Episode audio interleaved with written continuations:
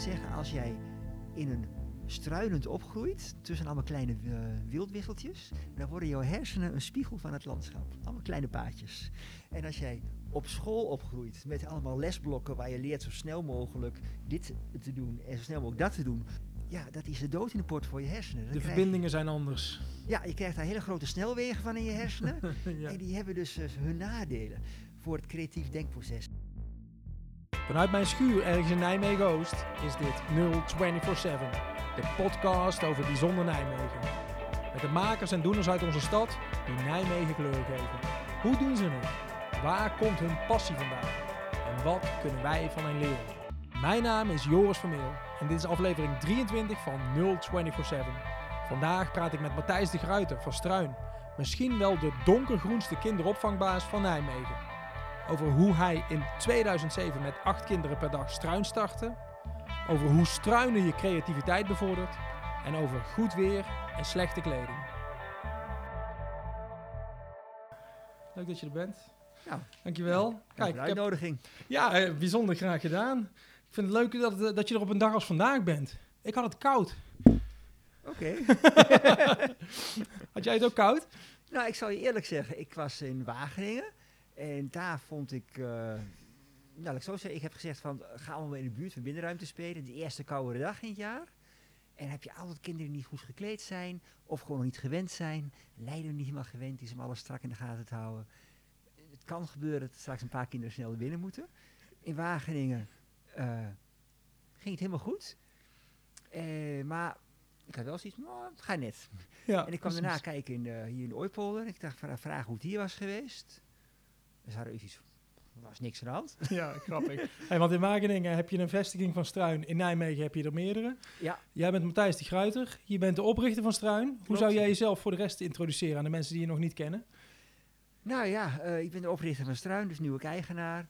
Uh, persoonlijk heb ik gewoon passie voor, uh, voor, voor, voor, natuur. En dan specifiek voor de ja, zelfstandige, vrije natuur. En, en, en fascineert niet, mij mateloos. En niet de aangelegde bossen bedoel je? Ja, kijk, ik weet dat er hout nodig is, dus die zijn ook nodig. Ja. Maar waar ik zelf gewoon helemaal fantastisch vind om te zien, is ja, de vrijere natuur die, die zelfredzaam is. Ja. ja. En dat deed jou besluiten om een kinderopvang te beginnen? Nou, ik, ik heb ooit een opleiding gehad, uh, natuur- en milieuactiviteiten. Oké. Okay. En ik heb een achtergrond vanuit de NJN, Nederlandse Jeugdbond voor Natuurstudie. Dat zijn dan gewoon jongeren die gezellig samen de natuur ingaan. En nou, dan was ik een drijvende kracht achter een afdeling. Toen kwam daar later die opleiding bij. Ik dacht, ik zoiets willen doen. Ik wil, ik wil gewoon lekker uh, mensen betrekken bij de natuur. Met leuke activiteiten. Maar ja, dan heb je zo'n opleiding en dan denk je van... Maar ja, er is helemaal geen werk in. Nee. Dus dan ga je solliciteren links en rechts. Maar loopt niet zo hard. Op een gegeven moment kreeg ik de kans om in Rotterdam een natuurspeeltuin te maken. En dat was mijn eerste kans om wat leuks te doen. Ik had een, uh, met mijn scriptie had ik uh, ja, een, een, heel mooi project gezien, eigenlijk over een rapport. Dat was van toenmalig uh, ho hoogleraar natuureducatie. En Hans, dat was Marianne Margedam van Arken. Als ook ja, een voortrekker uit de wildere procesnatuur. Hans van der Lans van Ecoplan. Hadden samen een rapport gemaakt, speelbossen. 10 hectare, wilde paarden erin, wilde koeien, of ja, semi-wild dan. En je kreeg een beetje door die beesten een beetje een, ja, een, beetje een semi-wild landschap. Maar, en dan kunnen de kinderen ook lekker door, doorheen rousen. En, en dan hadden we zo ingericht dat, dat je ook lekker kon spelen zonder dat het kunstmatig speelaanleiding had. Mm. Dus wat stond daarin bijvoorbeeld in zo'n... Uh, in zo'n wat, wat, heuveltjes, wat kuilen, plas water. Ja. Uh, eigenlijk alles een beetje met het, als natuurlijk ogend. Maar dan wel even bewust zo aangelegd dat je er wel toch een, een eiland had die goed kon, kon dienen als een soort uh, eiland om te veroveren. Ja, ja, ja, er was ook nagedacht over wat kunnen ze er dan mee. Ja, ja precies. precies. En jij mocht meedenken om ervoor te zorgen dat dat ding echt kwam. Nou, het was, het was een oud rapport. Het was, of, het was, al, was er al tien jaar. En ik had daar mijn scriptie mee gedaan, uh, van alles rondom gedaan. En ik dacht van, ja, maar dat gebeurt maar niet. Er was één plek in Nederland was het gebeurd, Leerdam. Er was iets uh, aangelegd. En ik was er weer eens kijken met die Hans van der Lans. En het was jammer, woensdagmiddag, mooi weer één jongen en een meisje. Oh, ja, een broer en zus. Die uh, waren aan het spelen. Verder was er niemand. Op dat enorme land. Dat was uh, vijf hectare. Jemig. Dus ik dacht van, jee, is heel mooi, maar het loopt niet. Toen dacht ik van, laat mij nou eens proberen om eh, dit concept op een plek neer te zetten waar het zichtbaar is. Want ja, hier hebben ze gewoon ge- de plek gepakt die ze makkelijk konden krijgen. Maar er is geen toeloop, en dat snap ik ook. Dus ik heb daar eh, ja, met dat rapport van hun onder de arm overal langs geluurd. En op een gegeven moment, klakka, kon ik aan de gang voor een natuurspeeltuin in Rotterdam. Die mocht ik ombouwen van nee, een, een bouwspeeltuin, waar Ja. ze met pallets op een asfaltpleintje eh, bezig waren. Die mocht ik om, eh, ombouwen naar natuurspeeltuin. Dus, eh, Hoe ga je dan te werk? ja, Waar ben je begonnen? waar ben ik begonnen? Ik ben, eh, even kijken, gewoon de eerste in. Gewoon eerst, eerst gewoon lekker een halfjaartje meekijken hoe het daar gaat. En toen is gaandeweg wat dingen veranderd. Van jongens, volgende, keer- volgende keer bestellen we in plaats van pellets, bestellen we takken en hooi en touw. Kunnen we ook mee bouwen. Ja. En eh, ja, in plaats van alles kort, kort te maaien, zodat we overal goed kunnen rennen, lieten we alles opkomen. En de kinderen mochten er paadjes heen gaan. Dus ging vrij natuurlijk. Ja. En na een jaar stond er eigenlijk al een hartstikke mooi ruig iets. En maar de gemeente wou het graag mooi hebben. Hebben we een landschaparchitect bij gezocht. Daar hebben we met toen ja, allerlei elementen die erin moesten zitten. Heeft zij dan, eh, ja, de puzzelstukjes, heeft zij dan samen gepuzzeld. Dat het er al als één geheel mooi uitzag. En ja, toen stond het er. De speeldernis. Dat was het begin van mijn, eh, ja, mijn, mijn natuur-educatieve carrière, zeg maar. Ja, want eh, toen was jij midden twintig, moet ik het zo zien? Nee, ik was wat, eh, wat, wat was ik? ik nou, 30. Kijk. Dus daar, als, ja, ja, als, als initiator en coördinator heb ik dat geregeld. Toen ben ik hierheen verhuisd, toen kon ik echt niet meer daar wonen. Dat was even voor- voor mijn opstart van mijn carrière. ja. En toen... eh, Had je al wat met Nijmegen? Of, eh, Oh, voor Nijmegen komt het hele mooie mee. Ehm, ik kwam uit geboren Amsterdam, opgegroeid Oldenzaal. ah, Ja, gescheiden ouders. Ik was vaak in de weekend met mijn vader regelmatig. Ik, de, de, de st- ik vond allebei leuk. Maar het echte stedelijke vond ik te stedelijk. En als ik in Amsterdam was, had ik vaker hoofdpijn eind van het weekend. ja. En in Twente liep ik ook wel tegen de boerenbenepenheid benepenheid aan.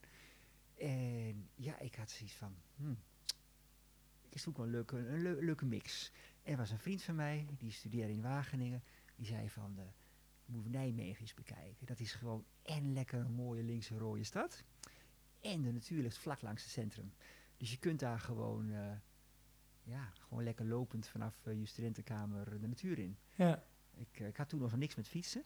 Ik dacht van, oh, hand- handig. Of eerlijk gezegd, ik fietste wel gewoon praktisch. Ja. En ja, toen ging Nijmegen bekennen, bekijken. En toen merkte ik wel eigenlijk, nou, een heerlijke stad. Eén nadeel, je kunt er niet fietsen. Is gewoon al die ja, hobbelige wegen met veel auto's. Het valt echt niet te fietsen. We, we zijn op de Bergendalse weg. ja, dat is wel het ultieme punt waar je niet kunt fietsen. Nee, precies. Het is duidelijk. Als, mijn, als je kinderen hier kunnen fietsen, dan kunnen ze overal fietsen. Dat eh, ben ik eh, aan de lijf aan het ondervinden. Ja, Dat, absoluut. maar je, je, je hebt dus een tip gekregen om naar Nijmegen te gaan. Je kwam uit Rotterdam. Je dacht, nou, dit bevalt me wel. Oh, dat was al ervoor. Ik zat toen nog op school in Oh, Zwolle. Echt waar? op die natuuractiviteitenschool. Die, eh, ja, die vriend van mij die Wageningen studeerde, die nam me mee. Samen met een paar vrienden, een vriendenclubje van mensen uit heel Nederland die overal woonden. Ja. En we waren toch een heel innige club, of eh, vriendengroep. We elk weekend speelden, spraken bij iemand anders af. En hij zei, hey, ik ga jullie Nijmegen laten zien. Dus we gingen, we gingen hier s'avonds stappen bij Extase. en de volgende, en nog, eh, ja, Gonzo, nog een andere club. Bij de Linde, waar nou de Lindenberg is, hoe heet dat? Ik weet niet meer hoe het heette. In ieder geval, eh, Kan je niet helpen. waren diep onder de indruk van hoe hier kon swingen hier. En eh, bij iemand anders die hij daar kende, er, weer ja, de nacht doorgekomen. En de volgende ochtend eh, ja, rolde het bed uit en gingen we lekker de ooipolder in. En ik was verbaasd en ik loop daar zo over de dijk, de, de Hollands-Duits gemaal af, de, de polder in. En ik weet nog precies, ik sta daar waar rechts de bomen ophouden. En ik kijk ineens die wijdse van die polder in. En ik denk, ik zie die stuwal. En ik denk van, ah, dat is te gek. Links zie je de uiterwaarden. En rechts die stuwal. Ik denk van, nou, dit, dit wordt, mijn, wordt mijn project. Ik ga die weilanden hier, ga ik zorgen dat het een natuurgebied wordt.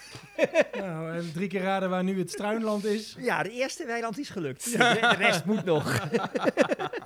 Hey, en eh, je, je kwam naar Nijmegen. Welk jaar ben je hier komen wonen dan? Eh, 2003. 2003. Ja. En, en, en je kwam toen uit Rotterdam, klopt dat? Waar je het net over vertelde? Ja, Dat sloot aan. Eh, Ja. Wat kwam je hier doen? Ik had zoiets van, ik wil hier wonen. Ja, en van daaruit komt werk dan wel. Ja, en ik had zoiets, ik heb wel best wel naam gebouwd met die natuurspeeltuin. En ik dacht, nou ga ik naar de gemeente, ik word wel actief bij eh, GroenLinks. En dan eh, kan ik er vast wel een natuurspeeltuin voor de gemeente Nijmegen maken. Dan willen ze vast hier ook, daar was ik helemaal van overtuigd. en? Nou, dat viel even tegen. Uh, ze hadden net, het college had net voor elkaar gekregen dat de SP een gouden appeltje had gekregen of zoiets. In ieder geval, die, die had die had overal in de hele, hele stad wipkip speeltuintjes neergezet. Ja, het was not done om te zeggen dat we nou voor iets nieuws nodig hadden voor de kinderen. Dat was eventjes niet veel interessant. Slechte timing. ja. dus ja, toen uh, ben ik maar te plekker uh, in de kinderopvang gaan werken. Oh ja? Zo van, ja, ik dacht van eerst doe ik daar, ja, ook kinderopvangorganisaties heen halen en dan leuke dingen met ze in die speeltuin doen. Ik dacht, nou, hier heb je natuur. Dus ik ga gewoon zelf met die kinderen de natuur in. Werkte het ook zo? Kun je bij een uh, kinderopvang aansluiten en dan je eigen plan trekken? Dat was, uh, dat was een pittige. Ja. ja, nee, dat was heel pittig. Ik, ik kwam eerst in Beek terecht.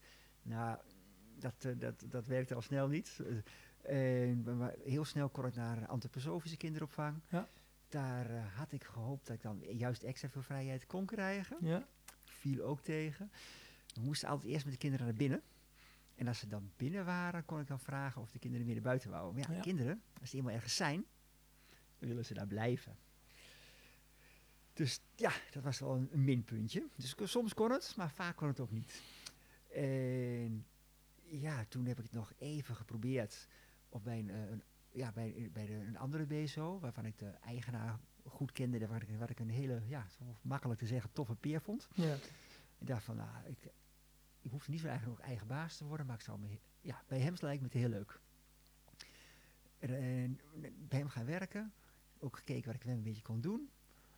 En ja, hij zei, uiteindelijk zei hij van, ik vind het leuk wat je wilt doen, maar ik vind het eng. Hij, ja, hij werd al zenuwachtig als ik in de winter met, uh, met kinderen ging sleeën op een hellentje. Dus hij, hij, durfde gewoon echt het risico niet, ja. uh, niet aan. En het risico dat kinderen, dat, dat daar iets mee zou gebeuren. Ja, ja. Ah, het is wel eerlijk om te zeggen dat je het eng vindt. Ja. En, en, en, was toen gelijk het moment in je hoofd, dan doe ik het zelf wel? Dan deed ik het zelf, ja. Dat, dat was het. Je, hebt, je had alles aan geprobeerd om het via de bestaande wegen te doen. Ik heb even geprobeerd of ik mijn bestaande baas kon doen, dat is klaar. Ja. Ik hoef niet de hele bedrijfsvoering te doen, gewoon mijn dingetje doen. Ja, dan moet ik toch maar de eigen, ook de bedrijfsvoering doen. Ja. ja zo is het uh, begonnen. We hebben het over 2007 volgens mij dat je begonnen, hè? Dat weet je heel goed. Ja. ja. In 2007 gingen we open. Een jaar ervoor ben ik al met de voorbereiding begonnen. Maar waar begin je dan? Want dan gaat het ook om vergunningen en zo, denk ik. Of, uh, of ja. valt het mee? Valt niet mee? Ja, dat was wel een hele mooie. Um, ik ben begonnen met het communiceren.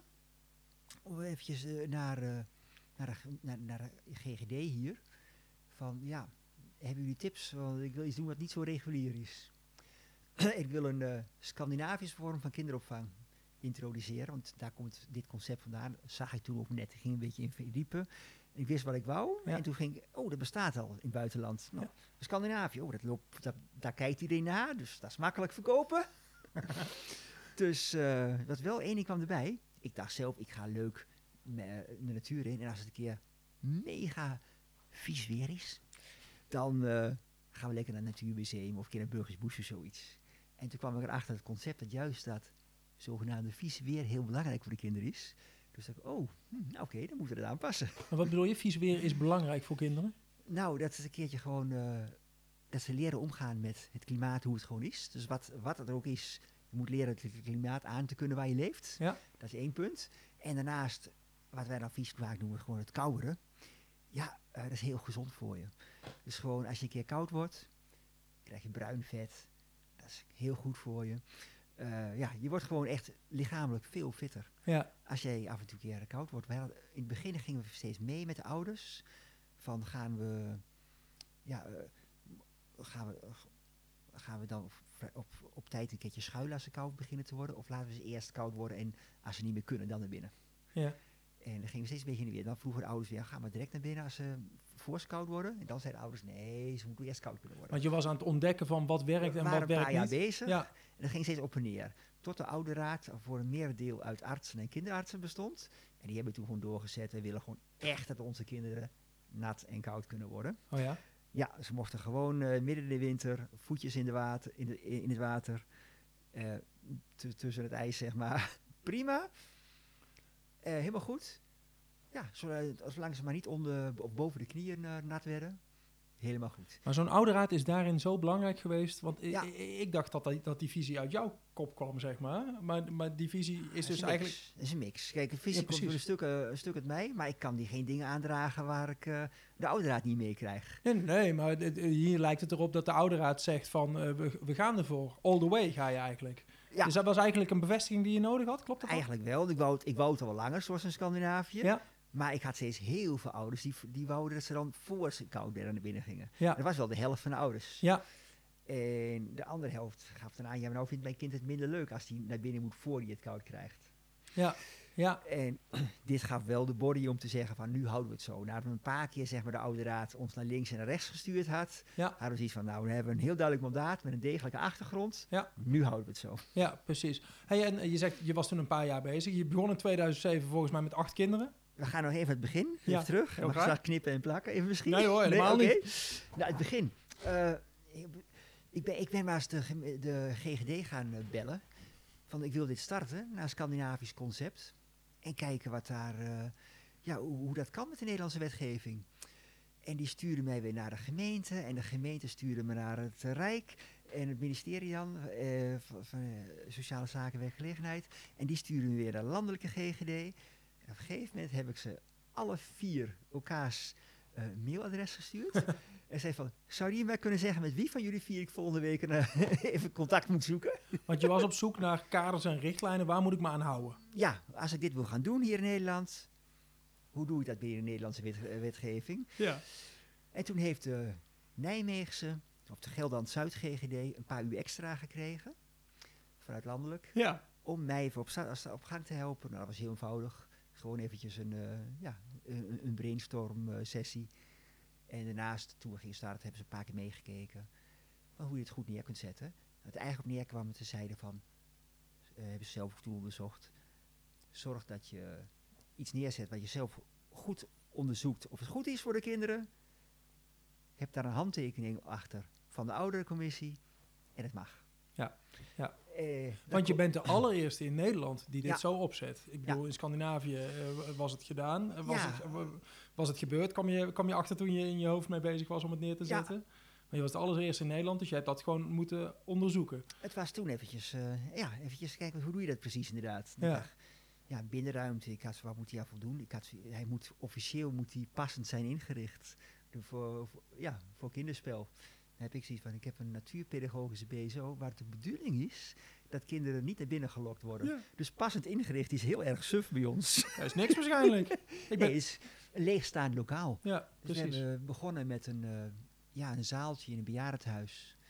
Die eh, op zondag gebruikt werd voor kerkdiensten. Huh? Eh, ja, daar konden we gewoon schuilen als het nodig was. Nou, praktijk kwamen we daar een keer in de carnavalsvakantie en een keer in de kerstvakantie. Voor de rest, eh, misschien nog een keer met de zomer met een, auto, met een onweersbui. Ja. Maar voor de rest was het gewoon buiten. Verzamelde je je buiten. We verzamelden bij de scholen en we sloten het eind van de dag bij het Natuurmuseum af. Ja. Want daar eh, ja, vonden we een, een passende plek om, om, om aan, om aan samen te komen. Ja. En vervolgens eh, ja, werd het al snel zo groot dat het bij het Natuurmuseum een beetje lastig werd. Ja. En toen hadden we gelukkig de kans om een paar eh, keetjes aan te schaffen. En daar heb ik een plekje voor gevonden bij een boer. Die boer die zei van, eh, ja, je mag mijn stukje grond wel kopen in de toekomst. Maar kom er van staan. Alleen het kan zijn dat de, de grond straks niet meer van mij is, want ik heb een rechtszaak lopen. Hm. Dat was dan een hele bijzondere. Oh. Als je over leu- leukere dingetjes hebt. Hij zei van, ja, als ik de rechtszaak win, gaat het terug naar het waterschap. Want er zit vervuiling in de grond. Niet het stukje waar ik jou laat zitten, maar verderop in hetzelfde perceel. Ja. dus als ik het win, moet je bij de waterschap kijken of je wat kunt doen. Als ik het eh, verlies, mag je het van mij dit, dat hoekje kopen. Nou, eh, vervolgens bij het waterschap gecheckt en die zei van ja, prima, bestaand gebruik gaat bij ons altijd voor. Dus je bent welkom. Eh, als jij daar zit, dan mag jij voor ons dat stukje daar eh, gaan, ga- gaan kopen, dat is geen probleem. En wat gebeurt er? Ik zit daar een paar jaar. We hebben net alles, een paar keetjes erbij met gedoogconstructie met de gemeente daar op die plek voor vijf jaar. En waar het een beetje, ja, met wilgen een beetje aangeplant, dat het een beetje leuk speels terrein was. heel veel ge- zandwagens, zand aangebracht, zodat we daar ook in de winter toch een beetje droog konden zitten op die kleigrond. Ja, ja, ja. En blijkt dat een, bes- nou een bestuurder van het waterschap, die had andere belangetjes. Oh, Dus die heeft ons eraf geknikkerd. oh. En had zoiets van, ik wil iets anders met die grond. Terwijl het tegen zijn eigen beleid van het waterschap in. Ons eraf geknikkerd. eh, Met de, met de, want hij had dus de, weg, de rechtszaak verloren. En wij moesten eraf, want het perceel was vervuild. Dat was verderop, maar dat maakte niet uit. en eh, ja, toen eh, moesten wij dus eh, wegwezen. Wat heeft hij er later mee gedaan dan, met dat perceel? Binnen een maand was het ineens aan de schooltuintjes verkocht. Ah ja, Dat was, een andere, was zijn eigen eh, andere. Hij, zat, hij was bestuurder van twee, van twee eh, Ja. besturen: ja. waterschap en de Hij agrarische, gebruikte de een om een aan de ander te helpen. ja, agrarische En belangen. belangenvereniging. En die wa- hadden zoiets van: willen iets promoten van het agrarische product met schooltuintjes. En, Ja. Ach, jongen toch. ja. En toen? Nou, toen moesten wij eraf. Dat was een hele aderlating. Dat was 35.000 euro eh, die eh, weg was. Want dat had je geïnvesteerd op dat eh, Op terrein. het plekje, ja. Ja. Zandgrond. Ja. ja. En, en, en, en, keetjes. en dan, binnen hoeveel tijd moet je er vanaf? En hoe, kom je aan iets nieuws? Toen was het heel spannend. Toen had ik heel erg geluk dat ik een, een ouder ha- had. Die was, ja, die, wa- die was met Championship bezig geweest. Wie dat kent? Nee. Die is een Nijmeegse ja, start-up geweest. Die hebben de chips gemaakt die in de sportschoenen zitten tegenwoordig. Ja, ja, ja, ken ik wel. Bij de Zevenheuvelen gebruikt worden om eh, je tijd te registreren. Intussen zijn die wereldwijd. Zeker. Dat is een Nijmeegse clubje. Die Ja. hebben daar een fortuin verdiend. Ja.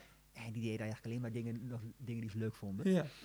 En eh, hij met zijn, eh, ja, zijn compagnon, oud, oud kampioen van de, van, de, championship, hebben ze het naastliggende perceel voor mij gekocht. En te plekken doorverkocht, maar met een hypotheek bij hun. En dan konden we daar beginnen. Maar wacht eventjes, dit is gewoon puur vanuit goodwill. Die had zijn kinderen bij jou rondlopen, die hoorde Ja. wat er gebeurd was Ja. en die zei, dit kan niet, dit gaan we oplossen. Dat gaan we oplossen. Nou, ik had zelf gewoon investeringsgeld, dus hij kon het doen. En ik kreeg gewoon een, keurig, een, een keurige hypotheek. Prima. Wauw. Ja. Maar dat was dus ook gewoon iemand die geloofde in jouw concept, kan ik Ja, me zo... natuurlijk. Ja, Ja, ja. Want hoe ging dat? Met, je begon met acht in 2017, las ik, er, of 2007, sorry. Ja. Hoe kwam je aan die acht? Want de eerste zijn de moeilijkste volgens mij, toch? Nou, dat viel wel tegen, want ik was al, toen ik nog eh, ja, in de, op een kinderopvang ging werken in Nijmegen, toen deed ik al in het weekend een natuurclubje. Vond ik gewoon, kon ik tenminste echt doen wat ik wou. En een natuurclubje hield dan in dat kinderen met jou mee konden de natuur in. Ja, Tof. en dat was gewoon een eigen bedrijf. Ik had, ging wel ook een beetje snuffelen, ik vond het reuze spannend. maar ik dacht, even kijken hoe het in de belastingdienst zit, of ik straks niet hele grote aanslagen krijg. Maar gewoon een paar jaar proberen. Ja.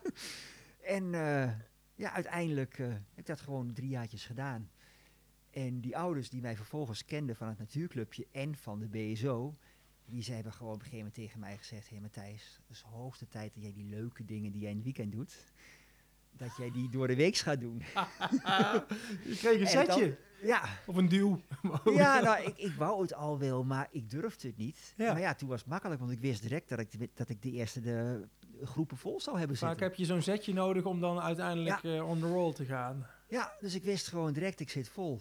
Joh. Dus dat was, eh, was De- makkelijk. Dus dan ging je met die acht. Groeide Ja, nou, dat, acht per dag. Ja. ja, acht per dag was dat. Ja. Dus je had vijf dagen, neem ik aan, dat je dat deed. En het was, ja, dat was heel makkelijk begin eigenlijk. En hoe, ging dat eerste, hoe gingen die eerste weken? Want ik kan me ook...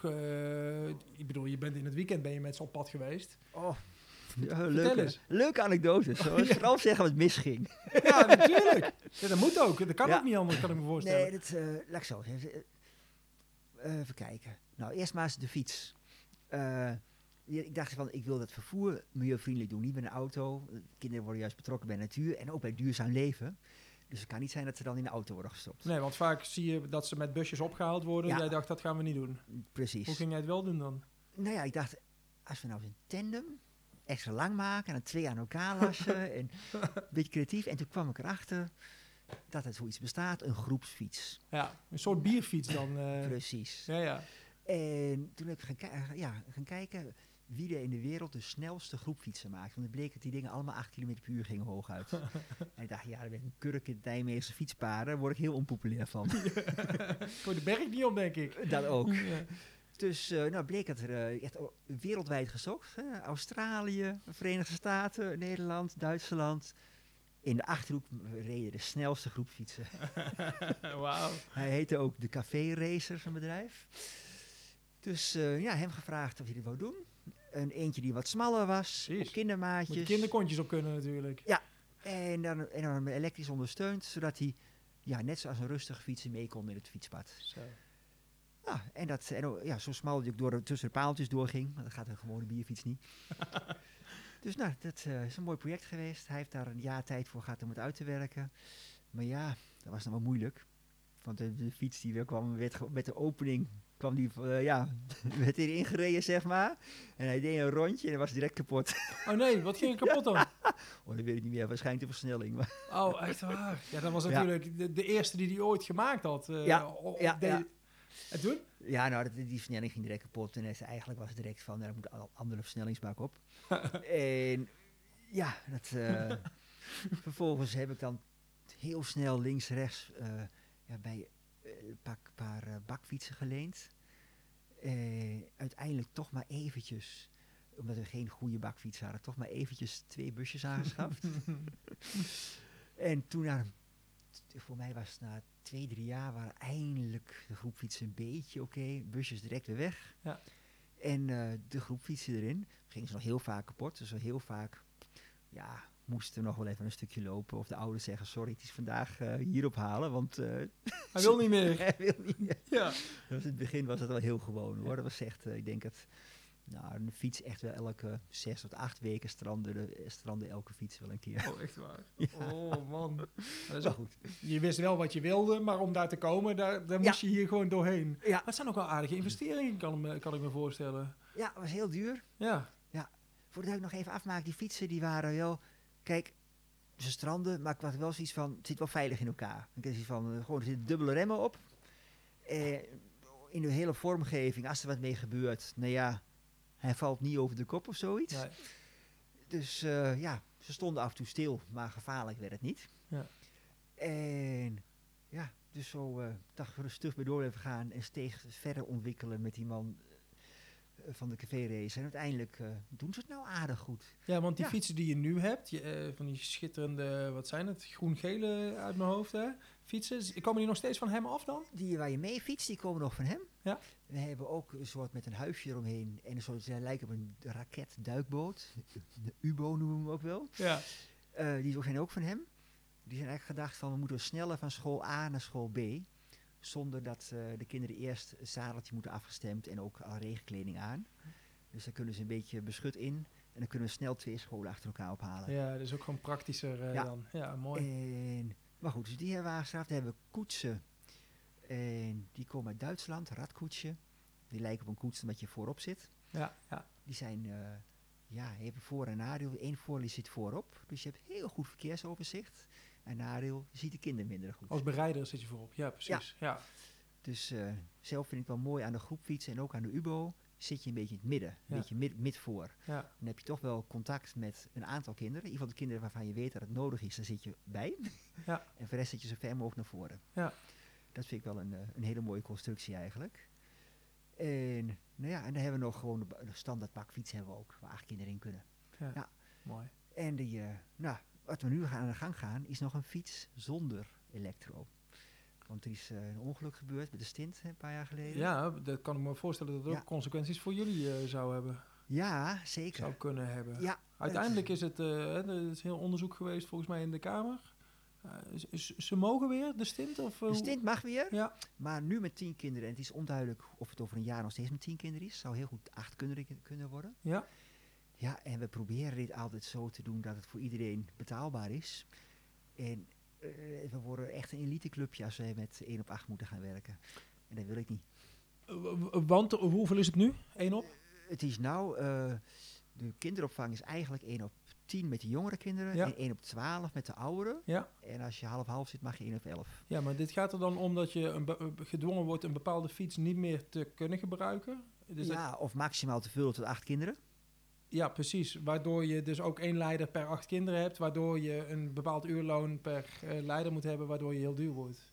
Ja, Ja, ja dus eh, nou, in ieder geval dat gaan we natuurlijk niet doen. We zijn nu met twee pilots bezig. De ene is wat we in Wageningen al draaien. Daar hebben we een, een school die fietst eh, 2,5 kilometer naar de uiterwaarden. Allemaal via 30 kilometer routes. En ook andere scholen trouwens. Maar, eh, en de kinderen eh, fietsen tot vier oudere kinderen, 7, 8 jaar, fietsen achteraan. En dat, ja, dat gaat prima. Ze fietsen zelf op hun eigen Ze fietsen fietsen. op hun eigen fiets achter de bakfiets aan. Ja, ja, precies. Ja, dus zo kunnen we ook 12 kinderen vervoeren. Ja, dus dat is een oplossing. Ja, en de andere oplossing is dat we nou aan de gang gaan met een groepfiets die, waar geen elektromotor op zit. Want daar gelden andere regels voor. Precies. Ja. Ja, tot nu toe lijken alle regels te gaan gelden voor elektrische, ja, onder elektrisch ondersteunde fietsen. Ja. Dus dan maken we eentje zonder elektra. Was in het begin ook de bedoeling geweest zonder elektra, maar we kwamen er al snel achter dat dat niet haalbaar was. Je bedoelt eh, in het heuvelachtige Nijmegen. Precies. Ja. ja. Hey, je was geen fietser, zei je in het begin. Ben je dat nu wel dan, zelf? Meer geworden. Ja. In het begin eh, hield ik vooral van wandelen. Ik kwam uit Twente en dan kon je gewoon, ja, ik liep de achterdeur uit en ik kon direct eh, struinen door de bossen langs de beken. En waarom zou ik op de fiets, fiets stappen als ik direct in een mooi gebied was? Ja, ja, ja. Het Ja. was niet nodig eigenlijk. Nee, helemaal niet. Nee. En ik wil graag alle details bekijken. Met de fiets uh, je overal voorbij. Ja, ja, ja, Ja. Maar je hebt het wel meer, bent het meer gaan waarderen, eh, hoorde ik aan je. Ja, ik vind het ook wel intussen ook wel leuk. Misschien als je ouder wordt, gaat het landschap je ook niet meer integreren. Gewoon lekker even met je neus in de wind door het landschap. Ook heerlijk. Ja, ja. Ja. mooi. Ja. Hey, terug naar de beginfase. Je had acht kinderen per dag. Eh, ja, het is dan maar spannend van gaat dit aanslaan? Ik kan me voorstellen dat je vond het spannend om te beginnen. Ik kan me voorstellen dat dat in je achterhoofd heeft gezeten. Eh, hoe sloeg het aan? Hoe ging het? Kwamen er snel kinderen bij? Eh, Ja, dat zat dus in het begin direct vol. En toen dacht ik direct van, nou weet je wat, we maken een, een bedrijfsvorm, we maken er een zwerm van. Dus ja, allemaal met zelfstandigers en dan gaan we het samen doen. ja, dus dat je geen mensen in dienst hoeft te nemen, Ja. maar dat iedereen gewoon Ja. lekker zijn eigen... Dus ik had er iemand bij gevonden, toen was ik al nagenoeg klaar. Die ging nog even meehelpen de laatste paar maandjes, eh, ja, even alles netjes op papier zetten. Want ik ben zo dyslectisch als maar kan. Ik had alles wel in klad klaar, maar goed op papier stond niks. Niet leesbaar in ieder geval. ja. Dus zij nog even alle teksten mooi uitgeschreven. Een- een- een- iemand die mee ging doen. Alleen bleek al snel dat het toch niet zo mooi, mooi ging, eh, samen ons ging. Want ja, zij had hele andere ideeën. Zij wou toch wat meer de geld eruit slaan. En ik was toch meer op, jongens, ik wil het moois maken. Dus uiteindelijk zijn we via mediation weer eh, uit elkaar gegaan. Voordat je eigenlijk gestart bent, ben je alweer uit elkaar gegaan. Ja, zij heeft even twee maanden meegedaan. En Ja. toen, eh, ja, Ja. toen zijn we uit elkaar gegaan. Ja. Dus we moesten, we moesten toch wat personeel aannemen. En, en, en dan, eh, dan dacht je, nou, dan ga ik maar personeel aannemen. Ja. Dan moet je op zoek naar personeel dus. Inderdaad. Wist, je- wist je wat, ja, op, op basis waarvan eh, ben je mensen gaan recruteren? Hoe gaat zoiets? Ja, hoe gaat het? Is wel een hele leuke. Eentje, eh, de eerste die kwam via via, die woonde achter mij, aan de achtertuin. Die wist waar jij mee bezig was en... Ja, ik weet niet, via via hoorden we, ja, die werkt, die werkt nog steeds bij, bij. Wie is dat? dat? is leuk. Dat is Martijn Hogeboom. mhm. Maar in ieder geval, eh, ja, ik weet nog goed, die kwam gewoon lekker eh, thuis op de koffie voor sollicitatiegesprek. Dat ging het toen nog. Maar eh, ja, ik, ik, vond, ik weet niet eens meer hoe we mensen gevonden hebben, eerlijk gezegd. Maar in ieder geval, denken. In het allerbegin, ik, ik zou het niet meer weten. Op een gegeven moment gingen gewoon advertenties plaatsen. En daar reageerden er mensen op. Ja, was natuurlijk gewoon op, op internet. Ja, en meestal zijn het dus een keer levensgenieters die op struin genieten, eh, reageren. Ja. Mensen die bijvoorbeeld eh, zeggen, van, nou ik hoef niet nodig voltijd te werken. Want ik kan, ik kan deeltijd werken, want ik heb mijn paard niet meer verdiend. Of ik woon lekker gezellig in een woongroep en het is prima zo. Ja. Mensen die echt overtuigd zijn, van, ik wil wat nuttigs in het leven doen en leuks. En die, die kiezen voor struin. Ja. En eh, ja, daar hebben we nou heel veel mensen van eigenlijk. ja, hoeveel Mensen- heb je er? Hoeveel, heb je me- hoeveel mensen heb je in dienst? 50. Echt waar? Ja. Wauw. En dat is wel heel bijzonder. De meeste mensen hebben een HBO-opleiding. Gemiddeld zijn we HBO+, want we hebben zelfs verschillende met een universitaire opleiding. Ja. Dus ik denk dat we ook wel de hoogst opgeleide kinderopvang van heel Nederland zijn. dat is ook een mooie ondertitel. Ja, echt bijzonder. Ja. Eh, maar mooi ook, ik weet nog eentje die kwam binnen, toen waren net die keetjes. En die zei van, ja, ik heb net mijn, eh, op de universiteit mijn studie psychologie afgerond. En ik wil eigenlijk één jaar gezonde kinderen meemaken. Alvorens ik met kinderen met zorgproblematiek aan de gang Ah, ga. ja, die wist van, ik ga probleemgevallen zien, ik wil eh, gezonde kinderen zien. Eerst maar eens dat zien, dan weet ik wat de referentiekader is, zeg maar. Ja, Dat mooi. vond ik een heel mooie. Ja. Ja, ik, heb er, eh, ik heb er vorig jaar taart gegeven voor tien jaar dienstverband. Ze is nooit meer weggegaan. Nee. Echt waar? oh, wauw. ja. Dus, eh, en een, een, nou, wat een leuke, een, ja, heel mooi, een, een GGD-arts die dan ja, achter in zijn carrière zegt, ik wil nog een paar jaar wat leuks doen. En die is nou, de, zij, is nou zij instromer geworden. En die eh, staat voor de groep. Dus de GGD is ook onze keurende instantie. Dus de GGD-inspectrices, die, die staan ineens van, hé, hey, wacht even. Oud collega. Onze oud-collega, waar ik vroeger op eh, ja, respect voor had. Ja. Moet ik nou gaan beoordelen. nou, daar ben je doorheen dus. Dat, dat, dat, dat is een makkie dan. Dat is wel een hele bijzondere situatie, denk ik. Nou, 50 man. Eh, je vertelde al over Nijmegen. Je begon in de Ooipolder. Je zit volgens mij ook in West en in de Goffert. Mis er dan één? Eh, we, zijn, ja, we zijn de Ooipolder begonnen. Toen gingen we naar Lent, Oh, Lent eh, en naar de. Goffert en eh, naar West en Wiegen. We gaan eh, in januari in Beuningen open. Kijk, is, vandaag is die ge- goedgekeurd door de GGD. gefeliciteerd. En we gaan in de lente gaan we in Malden open. En in de zomer gaan we in Arnhem open. Wauw, en hoe, Ja. hoe doe je dat dan? Is, wat, wat is jouw rol daarin? En, en heb, je dan pe- heb je dan afdelingsleiders per locatie? Of hoe, hoe moet ik dat zien? Eh, ja, inderdaad. Het gaat nog Wageningen, hè? die zijn we ook al. Ja, die zijn we Ja. wel. Ja, zeker. Eh, ja, eh, intussen ben ik nog degene die initieert. Dus ik zorg dat de dingen, ja, dat we groter worden of dat de kwaliteit hoger wordt. Ja. Daar, daar focus ik me op. En ik ben, ja, en de kwaliteit zit er dan specifiek in, in de natuurbeleving. En de kwaliteit van het, eh, ja, het procesmatige, dat is niet mijn sterke kant. Heb ik Nee. altijd, laat ik graag andere mensen doen. moet doen waar je goed in bent. ja, precies. Hey, maar kun je een voorbeeld geven dan van natuurbeleving, hoe jij dat voor ogen had en hoe je dat nou ook terugziet in, eh, in, Ja. in de opvang? Ja, dat is een, een stukje feedback, feedback naar de hele NME-sector eigenlijk. De NME, dat is... Natuur- en milieueducatie. Oké. Je ziet twee dingen. Je ziet steeds meer, ja, heel veel is het al heel lang gaande dat men de natuur naar de school brengt.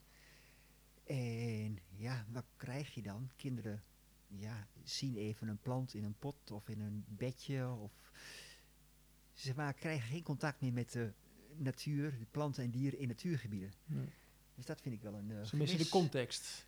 Ja, en, eh, kijk, je kunt er wel verbinden, een kind, kind verbinden met een, met een plantje en een konijntje, maar dat die eh, samen ook interactie met elkaar hebben, dat ontgaat ze volledig. Eh, ja, en natuurbescherming, kijk, ik denk niet dat de parenbloemen die dus op het sportveld groeien, dat die bedreigd worden, hoewel we daar ook plastic gras tegenwoordig. net zeggen. Maar, Slecht voorbeeld. in ieder geval minder be- bedreigd dan allerlei zeldzame plantjes in natuurgebieden.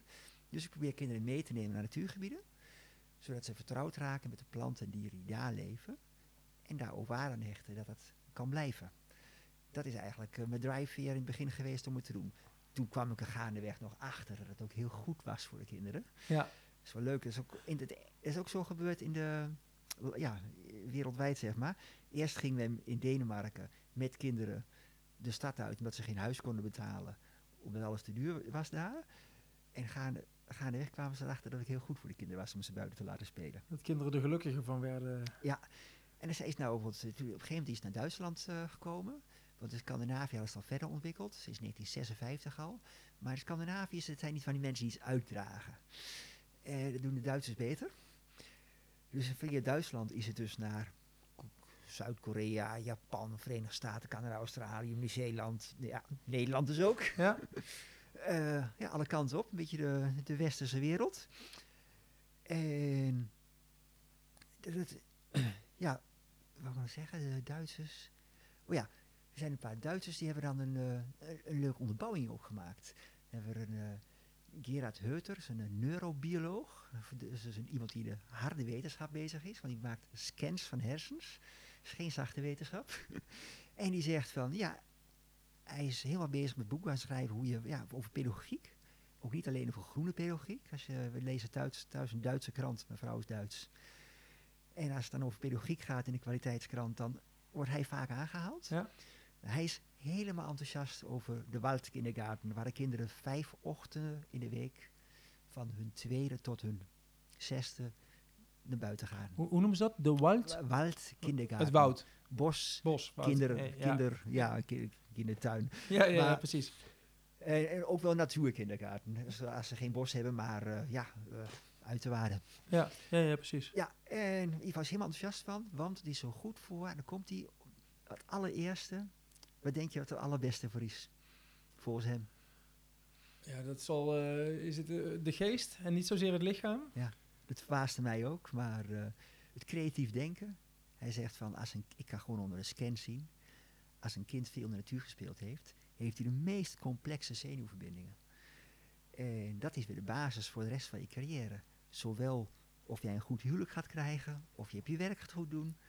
Dus gewoon als je veel kleine zenuwpaadjes hebt, dat, eh, ja, dat is de basis. En hoe verklaart hij dat dan? Dat dat eh, door buiten... Ja, door het, eh, dat is een hele mooie.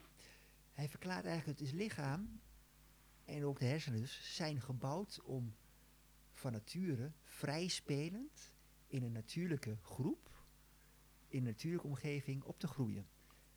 En niet geordend in een klas, zich houdend aan regelmaat. Ja, precies. Eigenlijk van nature spelen kinderen vanaf 3,5 jaar, spelen ze in de kindergang van 3,5 tot 12 jaar. In een klein groepje, gemiddeld 12 kinderen. En daarvoor zitten ze wel heel veel eh, inderdaad, eh, onder de rok van mama. En, maar daarna, vanaf 3,5 jaar, spelen ze gewoon lekker, zelfstandig. En eh, ze letten op elkaar. Mama, en papa zijn ver weg. Kunnen ze ook lang niet altijd eh, schreeuwend meer eh, roepen. En ja, zo, leven, zo groeien de kinderen in jagers-verzamelaars-context eh, op. En het, het leren doen ze ook met elkaar. Kin- kinderen bedenken zelf wat ze willen leren. En eventueel stappen ze naar volwassenen toe van hoe doe je dat? Maar meestal kijken ze gewoon naar hoe volwassenen iets doen. Ja. En die volwassenen gaan niet specifiek ineens iets extra's voor de kinderen doen. Die doen gewoon hun ding en de kinderen kijken. En dat is de natuurlijke manier van hoe kinderen leren. Ja, en dat past dus bij onze hersenontwikkeling. Ja, dus zo, zo, zo horen onze hersenen van nature te ontwikkelen. En er zijn nog heel veel andere dingen waar het goed voor is. Doorzettingsvermogen, eh, geduld. Nou, gelukkig inderdaad word je er ook van. Gezond inderdaad ook. Er is een hele lijst, meer dan tien dingen, geestelijke dingen, capaciteiten waar je verder mee komt als je lekker zelfstandig, creatief buiten speelt. Ah, dat is mooi. Je gaat met. Struin eigenlijk gewoon weer helemaal terug naar de jagers-verzamelaars eh, Ja. eh, manier van opvoeden. Daar komt het eigenlijk eh, op neer. Ja, ik zie jezelf maar van, ja, we moeten in deze maatschappij naar een school om te leren gaan omgaan met deze moderne maatschappij. Ja. En dan zegt hij, ja, zegt de neurobioloog ook, maar je hebt ook behoefte, jouw lichaam heeft behoefte aan voldoende soorteigen, eh ja, plek voor soorteigen gedrag. Net zoals een kip het minder goed doet in een legbatterij. En een kip die vrij mag lopen, die doet het, ja, doet het iets beter. Ja, hey, maar dat is wel eh, is tegelijkertijd ook een heel erg lastige als je het vergelijkt met eh, de maatschappij waarin we nu leven. Dat we onze kinderen toch beschermend proberen op te voeden. Of tenminste, dat merk ik aan mezelf ook, vader van twee kinderen. Eh, bij de eerste stond ik onder de schommel om er de hele tijd op te vangen. Ja, bij de tweede deed ik het al een stukje beter. Eh, maar je- het is toch spannend om je kind naar eh, een opvang te sturen... waar je de hele dag buiten bent, terwijl het echt enorm koud is op een Ja. dag zoals, zoals Ja. vandaag. Is dat ook wat je merkt bij jullie opvang? ja, heel in het begin kwamen er allemaal kinderen vanaf zeven jaar. Ja, ja. Die, die al een beetje gehard waren? Of eh, die al iets konden hebben volgens ja, de ouders. ouders? vonden het echt iets van, nee, eerst naar een kleine, gewone, gewone eh, BSO. Ja. En nu ze, Nu zijn ze klaar groter voor. zijn, dan nou, nou, nou, we moeten dit doen. Ja, Gaandeweg, nou krijgen we ook die jongeren. Ik ben, of gaandeweg, nou een paar jaar wel weer. Een paar jaar geleden ben ik bewust begonnen om ook driejarigen te doen. Want heel vaak was het zo van, ja, dan ga je beginnen met jouw eh, kind. En dan moet hij direct de BSO en direct school in één keer. Dat doen we gewoon driejarigen ook in de groep. Dan kunnen ouders vast beginnen als ze nog eh, drieënhalf zijn. En dan zijn ze vast gewend met struinen. En dan kan school erbij. Dus niet, komt niet alles in één keer. ja. Nou, dat werkte leuk. En op een gegeven moment, ja, waarom niet ook nog iets? Ja, ik ga de ouders vanzelf vragen. Waarom kunnen ze niet met twee? ja, eh, waarom niet? Dus we hebben, eh, er was ook een congres over, ja, is kinderopvang goed voor kinderen? Bleek nuljarigen, daar had het negatieve invloed om naar de kinderopvang te gaan. Bij eenjarigen was het eh, om het even. En vanaf twee was het positief. Ook voor ouders, van kinderen van hoger opgeleide ouders. Oké. En toen dacht ik, oké, nou, dan gaan we vanaf twee beginnen. Dat doe je nou dus ook. En dat doen we nou. ook. We hebben dus nou in Ooipol ook een kinderdagverblijf. En daar gaan kinderen van twee en drie jaar heen. Maar ik, ik zat even te zoeken naar het verschil tussen de mensen die besluiten om hun kind niet naar struin te sturen. Ook Ja. al is het wel leuk en aanlokkelijk. En, maar en, en de mensen die dat wel doen. Ja. Wa- waar zit hem dat verschil in, denk je? Ja, we hebben eens een keer een, eh, een, student erop gezet. Die Ja. ging allemaal mensen interviewen op schoolpleinen, dus ook niet-klanten. Ja, een struin is gewoon heel zielig. Kinderen kunnen niet naar binnen. dat hoor je dan. Ja, precies. Ja, nou, kinderen kunnen wel naar binnen. Ja, als het moet, dan gaan we naar binnen. Alleen, ja, wij- vinden dat het niet zo snel moet. Ja. Eh, gemiddeld, ja, afgelopen, afgelopen jaar zijn we niet binnen geweest. Dus eh, Nee, want als het echt keihard begint te regenen, hebben jullie eh, een soort van hutten in het bos. Met zeiltjes eroverheen. Daar kun je dan eventjes schuilen. Ja. Ja, en als het dan bar weer is, hè, als, we- als het dan plus 2 graden is met een koude wind en het regent. En het is nog net, net november, november, dus iedereen moet wennen. Dan gaan we wel een keer naar, eh, naar een uurtje buiten spelen. Misschien toch met de kinderen die het nodig hebben al naar binnen. De kinderen die net, net niet helemaal de goede kleren aan hebben of net helemaal niet gewend zijn. Maar dat is eigenlijk zelden nodig. Dus gemiddeld is dat één, twee keer per jaar nodig. Ja, mijn kinderen zitten sinds eh, maart, geloof ik, bij Struin op de vakantie BSO. Dus in de vakantie komen ze bij je langs. Oké. En toen las ik eh, in de nieuwsbrief een hele mooie zin. Slecht weer bestaat niet, alleen Ja. slechte kleding bestaat. Ja, eigenlijk eh, is dat een heel mooi spreekwoord, hè? Ja, ik vond het heel mooi. Absoluut, ja. Het, ja, en toch zeggen wij Nederlanders heel makkelijk over slecht weer. Ik zei net ook al. Ja, ja, ja. Nee, maar inderdaad, je eigenlijk, dat zeggen de Noren. Van, eh, je kunt je heel goed aankleden op elk eh, type weer. En als je dus eh, het koud vindt, dan heb je niet de ju- juiste kleding aan. ja. Ja. Hey, maar ehm, het is jouw grote doel om natuurbeleving bij kinderen naar een hoger niveau te tillen, hè, eigenlijk? Dat, Nou, mijn grote doel is om te zorgen dat kinderen verbonden raken met de natuur. Zodat de volgende generatie een aantal mensen heeft, liefst alle mensen, die, die natuur en duurzame maatschappij belangrijk vinden. ja. Maar dat, Ja. je gunt het dus iedereen, Ik gun het iedereen, absoluut. eh, maar je bereikt maar een aantal eh, mensen natuurlijk. ja, we Omdat- doen ons best. We doen ons best. sorry, ge- geen kritiek, alleen maar, alleen maar lof. Ik vind het hartstikke mooi. Maar ik probeer, eh, je begrijpt, be- bereikt ook heel veel mensen niet die het Ja. zielig vinden. Ja. Eh, wa- wat, zouden we eraan kunnen doen om die mensen toch in te laten zien dat het toch wel eh, wellicht goed voor hun kinderen zou kunnen zijn? Ja, nou, ik hoop meer te zeggen dat het gewoon voor de ontwikkeling zo goed is. Hè? Dat, het, eh, dat je hele creatief denken vooruit gaat. Dat je de rest van je leven gezonder wordt. Kinderen die eh, buiten gespeeld hebben in de natuur, die hebben de rest van hun leven, die, die dit vaak gedaan hebben, de, hebben de rest van hun leven de helft minder kans op zelfmoord. Nou ja, wat wil je je kind meegeven? Ja, Eh, ja, ja, wat is nou zielig? ja. ja En je wordt er emotioneel zeer stabiel van, van lekker natuur spelen. En dat, eh, dat helpt je de rest van je leven. Dus ik hoop alleen maar... Ja, we- laat ik zo zeggen, we he- hebben al heel veel kinderopvang geholpen hetzelfde te gaan doen. We waren de eerste die het gingen doen. En er zijn heel veel begonnen met een soort lichtgroene variant. De groene BSO's, die intussen overal opploppen. eh, Want het is het verschil tussen een groene BSO en jullie BSO, dat ze wel een binnen hebben waarschijnlijk. eh. Ja, we hebben er ook een binnen, maar dat ze maken er iets eerder gebruik van. ja. Eh, nou, bijvoorbeeld, er zit er eentje in Nijmegen.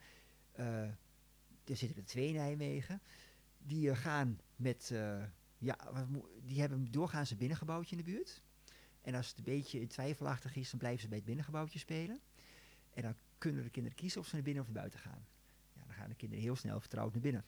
Ze hebben doorgaans ook speelgoed. En dan mis je dus eigenlijk de, eh, ja, juist de, de stimulerende werking van de natuur gaat verloren. Want het vrije spel is juist stimulerend voor die kinderen. En als je dan speelgoed meeneemt, dan is de natuur een achtergrond geworden. En hebben ze niet meer die nat- natuurlijke opgroeien van hoe een kind van nature opgroeit. Ja. Dus eh, ja, juist die. eh, Ontneemt ze de mogelijkheid om eh, dat wel te ervaren. ja, ik vind het heel mooi. Eigenlijk is, een verbeelding. Je kunt zeggen, als jij in een struinend opgroeit, tussen allemaal kleine eh, wildwisseltjes, dan worden jouw hersenen een spiegel van het landschap. Allemaal kleine paadjes. En als jij op school opgroeit met allemaal lesblokken waar je leert zo snel mogelijk dit te doen en zo snel mogelijk dat te doen. Of je gaat spelen in parken waar de straten zeggen, of weggetjes zeggen, je moet zo lopen. En hier is een veld dat je uitdaagt om voetbal te spelen. En daar is een veldje wat je uitdaagt om eh, basketbal te spelen. Ja, dat is de dood in de port voor je hersenen. Dan De verbindingen zijn anders. Ja, je krijgt daar hele grote snelwegen van in je hersenen. ja. En die hebben dus eh, hun nadelen voor het creatief denkproces. En dat is nou juist trouwens ook waar de toekomstige generatie behoefte aan heeft. Want de computers gaan al die snelle dingen sneller doen. En het creatieve, dat is waar de mens zijn voorsprong blijft houden op de, op de computer. Ja. Dus we lopen hartstikke vooruit. En ik denk, ja, er zijn steeds meer BSO's die toch een beetje groen gaan proberen te doen. Sinds kort zie je ook wel BSO's die toch een beetje proberen op ons te lijken. Daar ben ik ja? heel blij mee. Dat we, Nieuwe BSO's. Ja, Die worden ja. opgezet en die hebben jullie Ja. als voorbeeld gezien. ja, we hebben eentje geholpen in Doetinchem en in Eindhoven, een paar jaar geleden. Maar intussen hoor ik ook dat er in, eh, in Den Bosch eentje begonnen is. En in, eh, ja, in, in Bergen heb ik ook iets gehoord dat er iets begonnen is. Dat, dat lijkt wel ergens op. En dan denk ik van, nou leuk, die doen hun best. Ze moeten nog vaak leren om hun speelgoed thuis te laten. en spannend. Ja. Ja.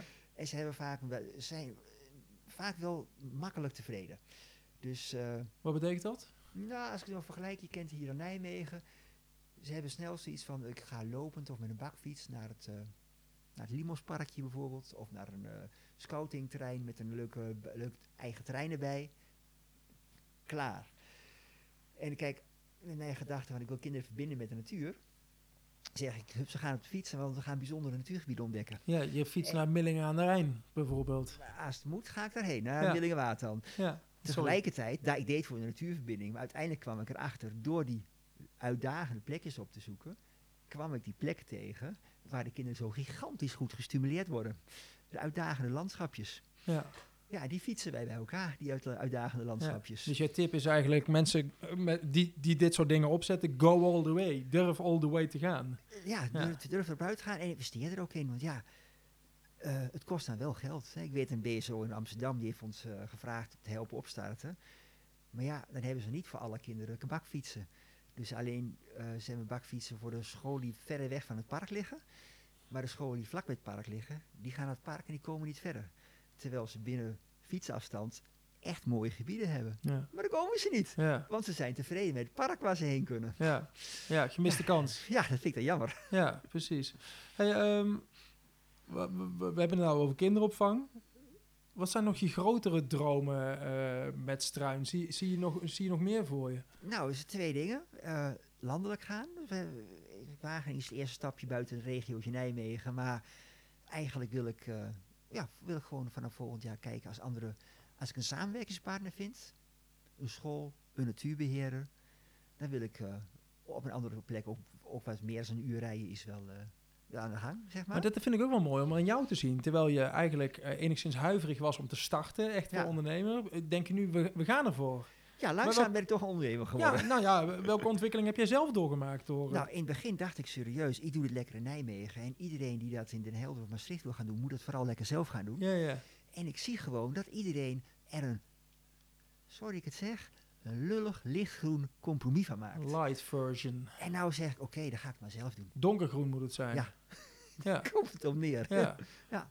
Maar, maar je zegt samen met een partner. eh, eh, hoe zie je dat voor je? Nou, een schooldirecteur die zegt van, eh, ik ben enthousiast. Of een, een, een, terreinbeheerder die zegt, ik ben enthousiast. Of een gemeente die zegt, ik wil wel een lokaal iemand hebben om het een beetje, een beetje bedoel een makkelijke je. start te hebben. Ik was even aan het zoeken naar waarom je nou zo nodig moet samenwerken met iemand. Ja, of een, iemand of- die weet hoe de hazen lopen.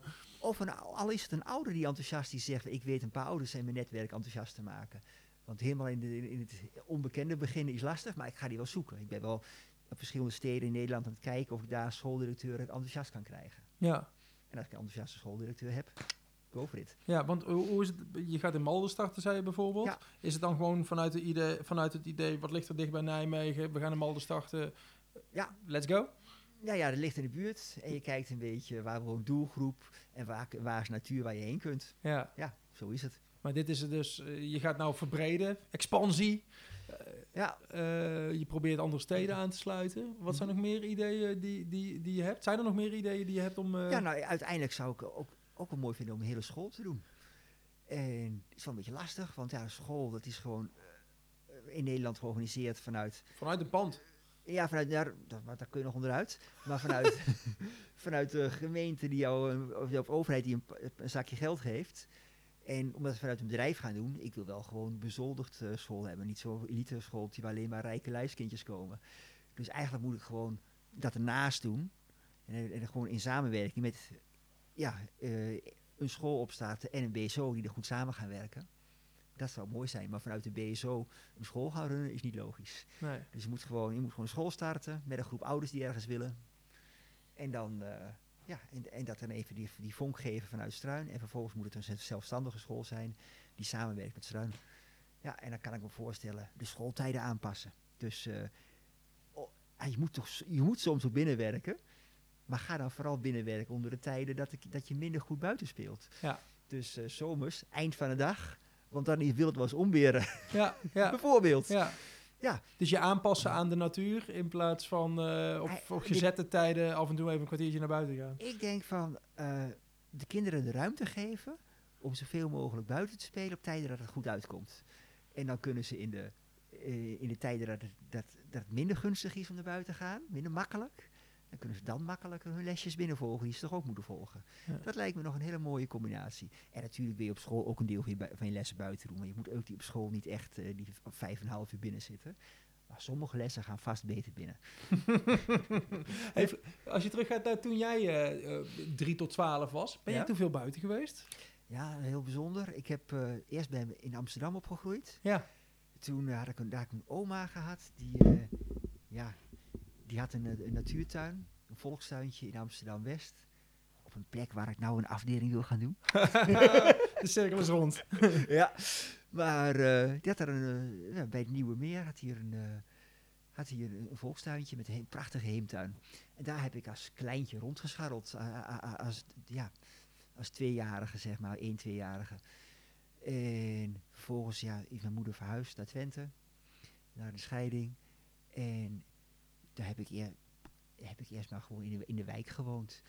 Mijn oma is heel belangrijk voor me geweest, die uit, die uit Amsterdam kwam. Die is een paar jaar later, toen ik vier was, is ze verhuisd naar Friesland met haar pensioentje. Mhm. En toen is ze gaan survivalen. Heeft een st- eh, turfstekershuisje gekocht. En dacht van, ik ga eetbare planten verzamelen. En ik koop nog eens in de twee maanden een zak meel in het dorp. En, dat, en wat eh, melk bij de boer en that's it. Ja. En eh, ja, die heeft me toch wel een eh, klap van de molen meegegeven, denk ik. Ik wou net zeggen, je, Ja. bent je oma heeft het doorgegeven aan jou. Het zaadje is geplant, om maar Ja. eens even in de groene term eh, te blijven. En dat, zij is gewoon zelfvoorzienend geworden in de... in de, in de Een heel stuk. Ze heeft uiteindelijk een groter huisje verderop gekocht. Want ze merkt dat ze toch een tuin nodig had. Dus had ze een tuin met een grote appelgaard. En daar had ze ook iets van iets lekkerder. want die wilde planten, ja, kunt ze eten. Maar heel lekker zijn ze meestal niet. nee, dus een theorie die ik er wel aanhang. Voor mij is de reden dat mensen landbouw zijn gaan plegen. zou best wel ook je smaak gestuurd kunnen zijn geweest. Ja, precies. Ik kan me voorstellen dat ik best wel indruk kan maken op de vrouwtjes als ik heel lekker eten aandraag. Ja, mooi. Ja. Hey, dankjewel. Dus, eh, hebben, hebben we het overal over gehad? Waar, waar- hebben we een heleboel, geha- Ik een heleboel gehad. Ja, absoluut. Ik vind het eh, mooi hoe je een, een idealisme weet te koppelen aan ondernemerschap en ook persoonlijke ontwikkeling. Echt, d- dank je wel daarvoor. Fijn dat je daarover wilde komen vertellen. Nou, dank dat we dit, mogen eh, doen. Ik wil nog één leuk ding zeggen om het af te, af te sluiten. Heel graag. Eh, ik doe het als bedrijf. En dat ik heel bewust, want ik heb eerst bij een stichting die natuurspeeltuin gemaakt. Toen ook meegemaakt dat het heel moeilijk was om in een, met een bestuur verandering door te zetten. Dat je overal om goedkeuring moet vragen eigenlijk. Ja, en dan moet je een heel bestuur meekrijgen. Ja. Dus daar ben ik een bedrijf gaan doen. En heb je als mensen nou zeggen van ja, is een bedrijf, commerciële instelling. Ja, sorry, eh, ik schrijf mezelf gewoon een loon over wat ik volgens de CEO ook zou moeten krijgen. En als ik het een stichting had genoemd, had ik hetzelfde verdiend. En ik vind dat dat, ik, dat het meer dan voldoende is. Ik hou er niet zo van om eh ja, zakkenvuller te zijn, zeg maar. Ja. Maar ik zou dus eigenlijk een stichting moeten worden van deze kant. Maar ik wil dus graag wel de tandjes, touwtjes in, hout, in, handen hebben. Ja. En daarom heb ik toch een bedrijf. ja, maar het lastige is dan eigenlijk dat idealisme en commercie eigenlijk wellicht niet samen zouden gaan. Maar, nou ja, Dat kan best, dat is helemaal geen probleem. nee, precies, maar dat is dan de beschuldiging die jouw kant op zou kunnen komen. Je krijgt het, eh, ja, je krijgt het eh, tegenwoord dat je dus commercieel bezig bent. Nou, dat is dus eigenlijk helemaal, niet- helemaal niet het geval. Nee, Maar eh, je bent juist het voorbeeld dat commercie er juist voor zorgt dat idealen behaald kunnen worden. En dat Absoluut. het sneller gaat. Ja. En, ja, mooi. we zijn typisch voorbeeld van een maatschappelijk eh, bewuste onderneming. Ja, ja. alle winst gaat bij ons in, eh, ja, in expansie van het bedrijf of in hoger niveau van het bedrijf. Succes met het veroveren, verstruinen van, van heel Nederland en misschien wel van heel de wereld. Nou, oh, nou. Nederland houdt het op. Dankjewel. Dankjewel Matthijs. Zo, dat was hem alweer. De 23e aflevering van podcast 0247. Ik praat vandaag met Matthijs de Gruiter van Struin. Misschien wel de donkergroenste kinderopvangbaas van Nijmegen. En ik vond het vooral heel erg grappig om te zien hoe hij in den beginnen nog helemaal geen ondernemer was.